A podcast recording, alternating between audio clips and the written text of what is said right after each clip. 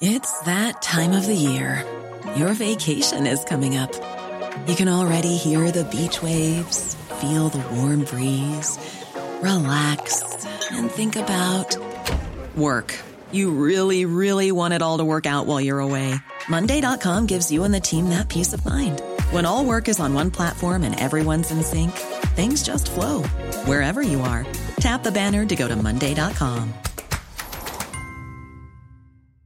Many of us have those stubborn pounds that seem impossible to lose, no matter how good we eat or how hard we work out. My solution is PlushCare.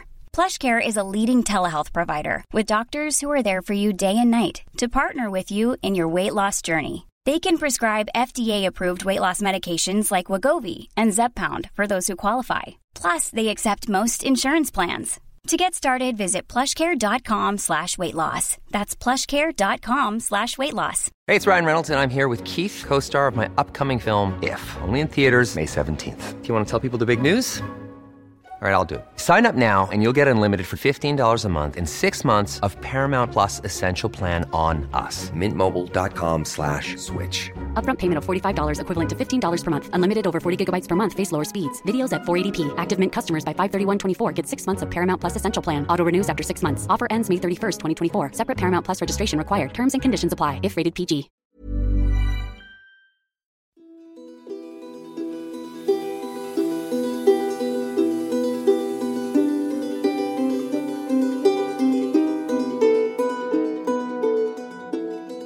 Per Svendsen står foran heisen som skal føre han opp til kriminalomsorgen i Bergen. Hit må han dra hver uke for å dokumentere at han trener og ikke bruker rus. Han føler seg skamfull. Soningen har gjort at den ellers så sosiale 73-åringen må finne på unnskyldninger når han møter folk som vil prate.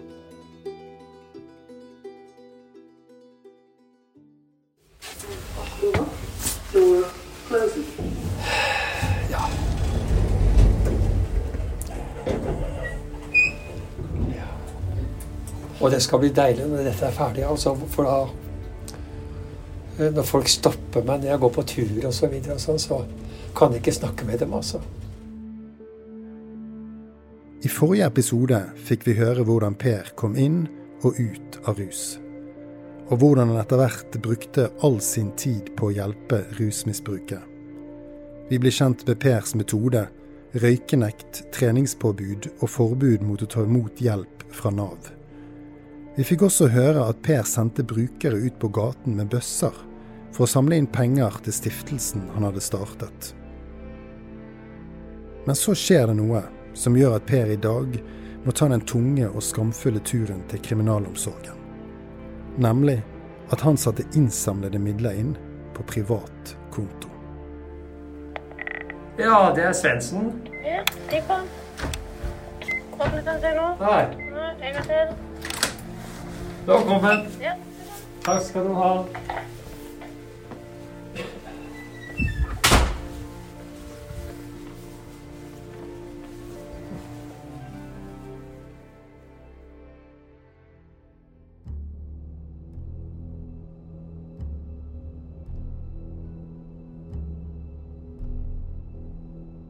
Vi er tilbake i boligen til Per på Bønes.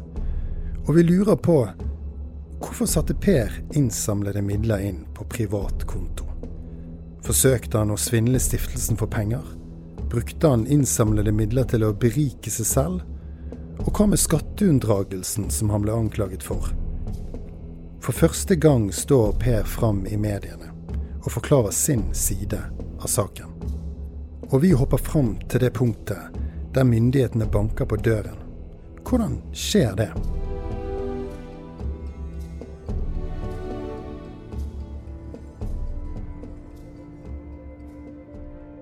Du vet, eh, hadde ikke jeg hatt Herren med meg i alt, så vet jeg ikke hva jeg hadde gjort. Per fortsetter med å fortelle om en konflikt han sto i årene før dette. Vi har valgt å anonymisere personen som ifølge Per skal ha lovet å hevne seg på han. Denne personen skal kort tid etter ha gått til en revisor og kemnerkontoret i Bergen og fortalt at Per har drevet med svindel i Afrika og skatteunndragelse i Norge. Nå blir Per kalt inn på teppet. Og han kontakter òg kontakter kemnerkontoret i Bergen. Sier at vi har svindla, vi har drevet med skatteunndragelse og, og, alt sånn. Når jeg kom på kemnerkontoret, var det første kontoret jeg kom til, så viser de meg en hel masse tall. Inn på privatkonto og ut og, og sånn. Så sier jeg dette må jeg ha tid på, sa jeg. jeg må ha tid, dette blir for stort for meg. Jeg ha tid på. Så kontakta jeg advokat. En Øen kontakta jeg.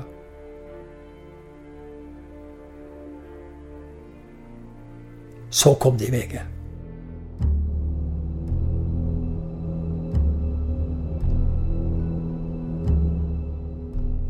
Desember 2017 publiserer VG en lang sak om Per og stiftelsen.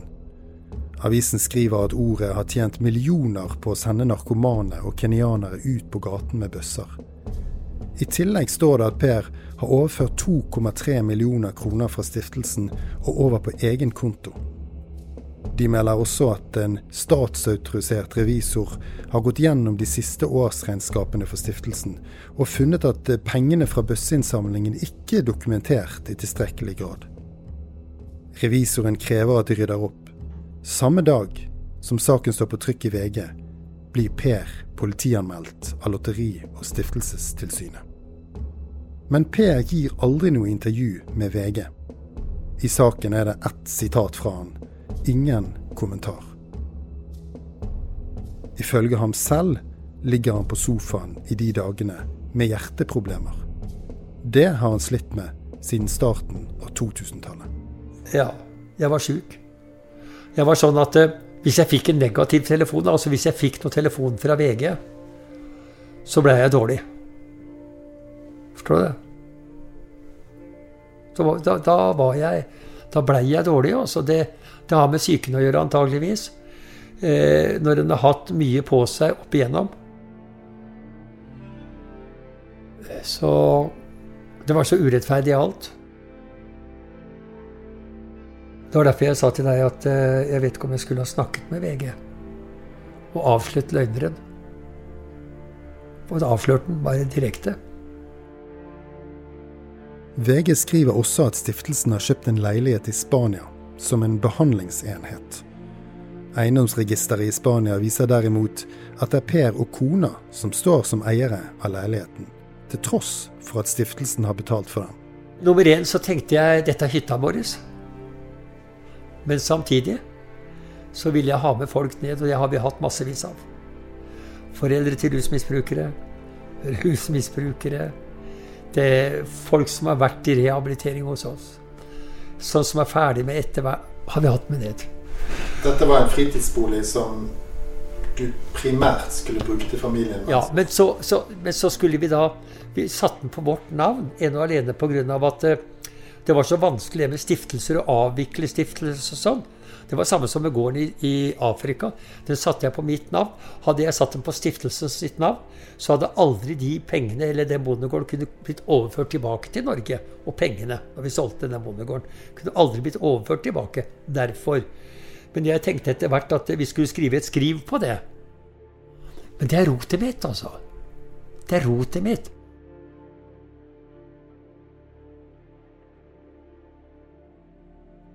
Det kan være vanskelig for utenforstående å forstå seg på pengestrømmen i stiftelsen. Men gjennom alle disse årene har ekteparet Svendsen holdt sitt eget regnskap over penger og verdier som har beveget seg mellom stiftelsen og private hender. De kjøpte huset i Spania for stiftelsens penger, men alt av løpende utgifter som strøm, vann og avgifter kom fra egen lomme. Da de solgte sitt private hus i Sandnes og flyttet til Bergen, gikk overskuddet av salget til stiftelsen, som da trengte penger til å kjøpe et nytt senter i Fyllingsdalen. Og det stanser ikke her. Per har flere eksempler. Altså, du kan jo ta til denne bilen til 200 000 kroner. Campingvogna til 550 000 kroner. Reparasjoner på Toareggen på 60 000 kroner. Reparasjonen på den andre bilen på 40 000 kroner. Hvem er det som har betalt det, da? Ja? Jeg har det på konto her. Har det. Alt har gått ut til stiftelsen. Private penger. Arv. Har gått ut igjen til stiftelsen. Men det var foreldet. Det var ikke tinglyst. Utleie av bolig i fire år i Sandnes med kontrakt. Det var foreldet. Det var ikke tinglyst at jeg avkrevde lønn i fire år, når stiftelsen var i stand til å kunne betale meg en lønn som vi har kontrakt på. Det var foreldet. Alle pengene som vi har sendt ned til Afrika fra privat konto, var foreldet. Men det fikk jo ikke VG så veldig mye med seg av, da.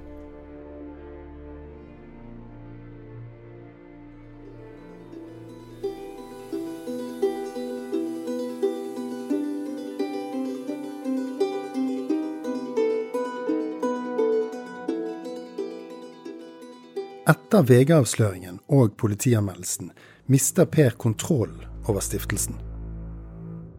Stiftelsestilsynet innsetter en lokal advokat som styreleder for å sikre verdiene.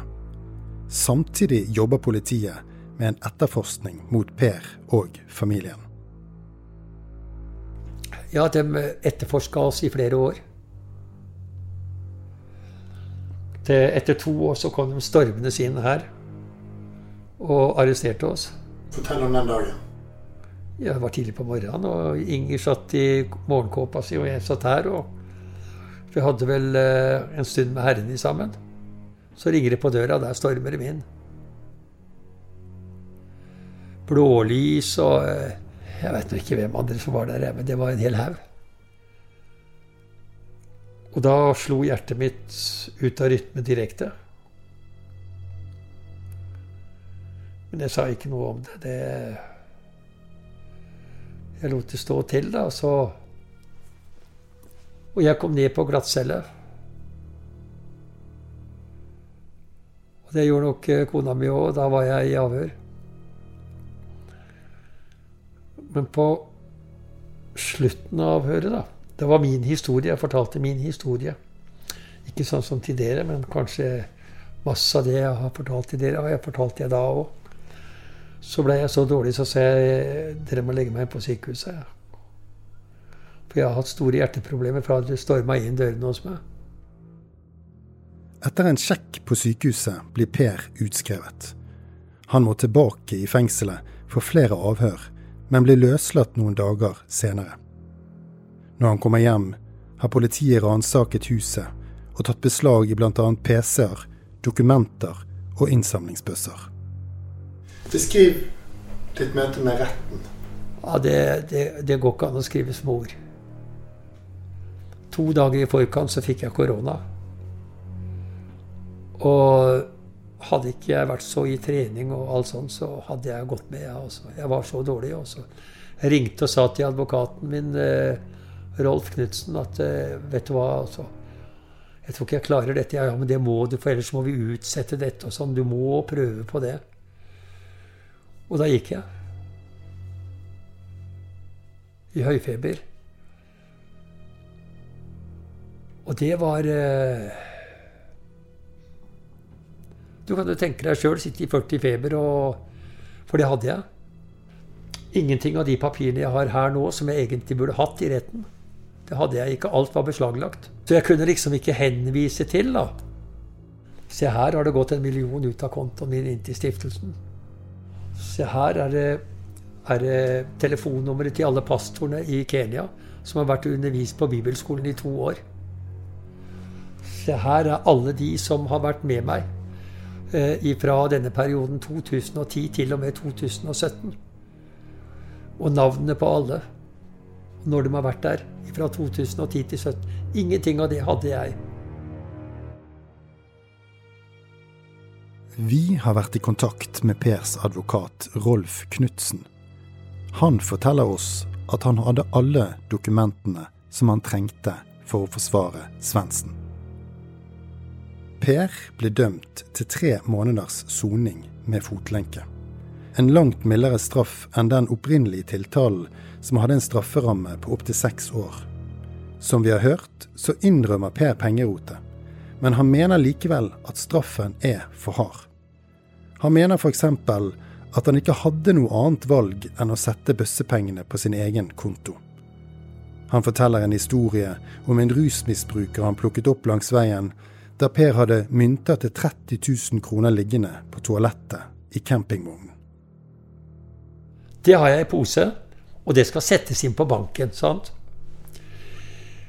Det, det var vel egentlig sånn det begynte litt. Og så, så har jeg ikke kortet med, og det andre kortet aner jeg ikke hvor er.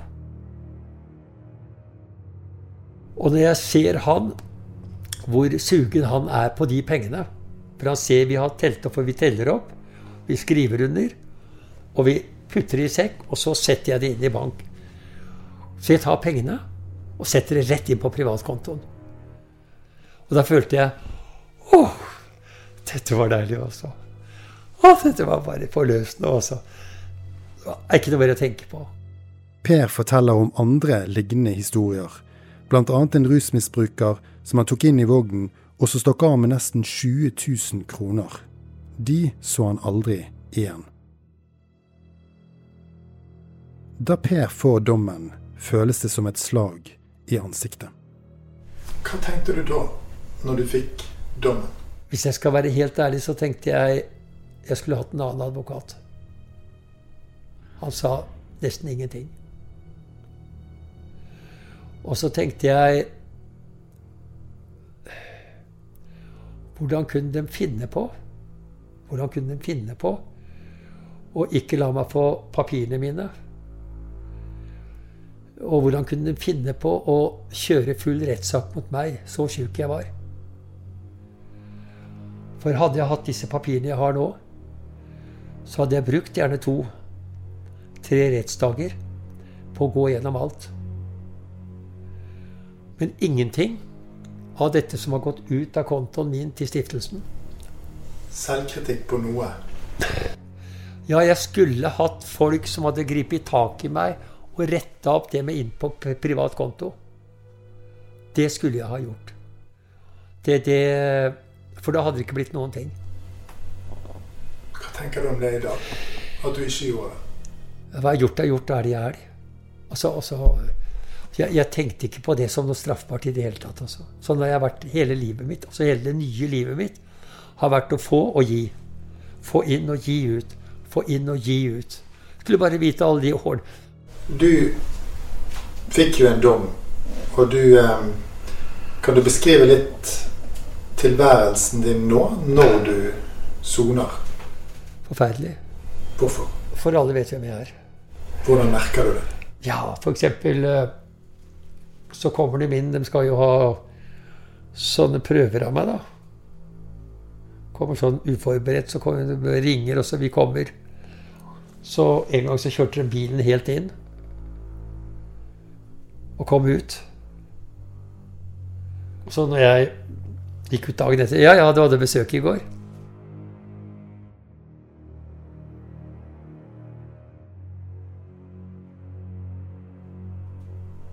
Hvilke prøver må du avgi? Eh, pusteprøve. Men når jeg er der nede, da, så avlegger jeg urinprøve og sånn, sånn spyttprøve. Hvorfor? Det vet jeg ikke. altså Hvis man skal snakke om totalavhold, så er jeg en av de aller aller færreste her i, i eh, Vestland. Det, dessverre også så er det sånn. Hvor lenge har du vært totaling? Helt siden den dagen jeg våkna. I 86. Hvordan er det å gå med fotlenke? Jeg kjenner den jo hele veien. Så når jeg går opp på fjellet, må jeg skifte for at den treffer ankelen min hele veien. da. Hvor lenge pågår dette nå? Ja, nå har jeg hatt I denne uka her så har jeg hatt fotlenka i en måned. Så er jeg fram til 21. juni. Så er jeg ferdig med fotlenka, og det er jeg litt glad for også. For da er jeg friere til å gå i skogen og pelle blåbær. Og, og, for jeg tenker mye på dette med frihet, altså. Jeg sa det nede på kriminalomsorgen i går, så sa jeg det at Du vet, så kan det være at det, jeg kommer ti minutter for seint. Ja ja, det kan du ikke. Nei, for at hvis det da stopper noen vil snakke med meg, da, f.eks så må jeg være uhøflig, bare fosse videre. Da sier jeg 'Å nei, jeg blir så kald', sier jeg. Jeg må videre. Snakke seinere. Det, det Ja. Det er vondt. Det er deilig å være fri, altså. Det siste som skjer i rettssaken, er at Per og stiftelsen Ordet ender i et forlik. Det opprinnelige kravet på rundt tre millioner kroner bortfaller, og Per får en avtale om å betale 160 000 kroner. Advokaten som styrer stiftelsen nå, sier at han ønsker å avvikle stiftelsen raskest mulig. Per er fortsatt overbevist om at han er behandlet urettferdig. Stiftelsen er jo på en måte ditt livsverk. Ja. Hvordan oppleves det at det har blitt tatt fra deg? Det syns jeg er eh, galt. Det er galt.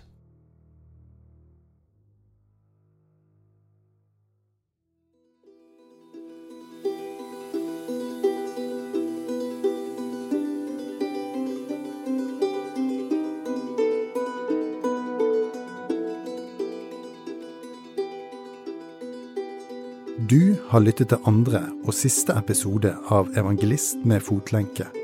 Av Carl Almedal, Miriam Kirkholm og meg, Bjørn Olav Hammerstad.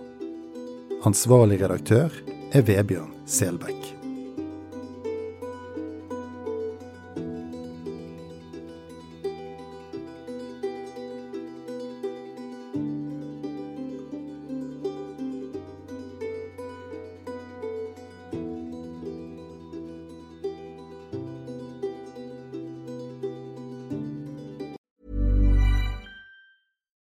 Why don't more infant formula companies use organic, grass fed whole milk instead of skim?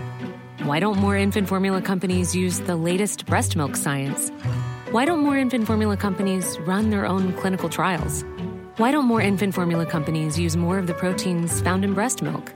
Why don't more infant formula companies have their own factories instead of outsourcing their manufacturing? We wondered the same thing. So we made ByHeart, a better formula for formula. Learn more at byheart.com.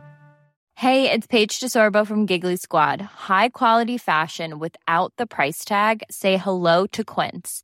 I'm snagging high-end essentials like cozy cashmere sweaters, sleek leather jackets, fine jewelry, and so much more. With Quince being 50 to 80% less than similar brands. And they partner with factories that prioritize safe, ethical, and responsible manufacturing. I love that. Luxury quality within reach. Go to quince.com slash style to get free shipping and 365 day returns on your next order.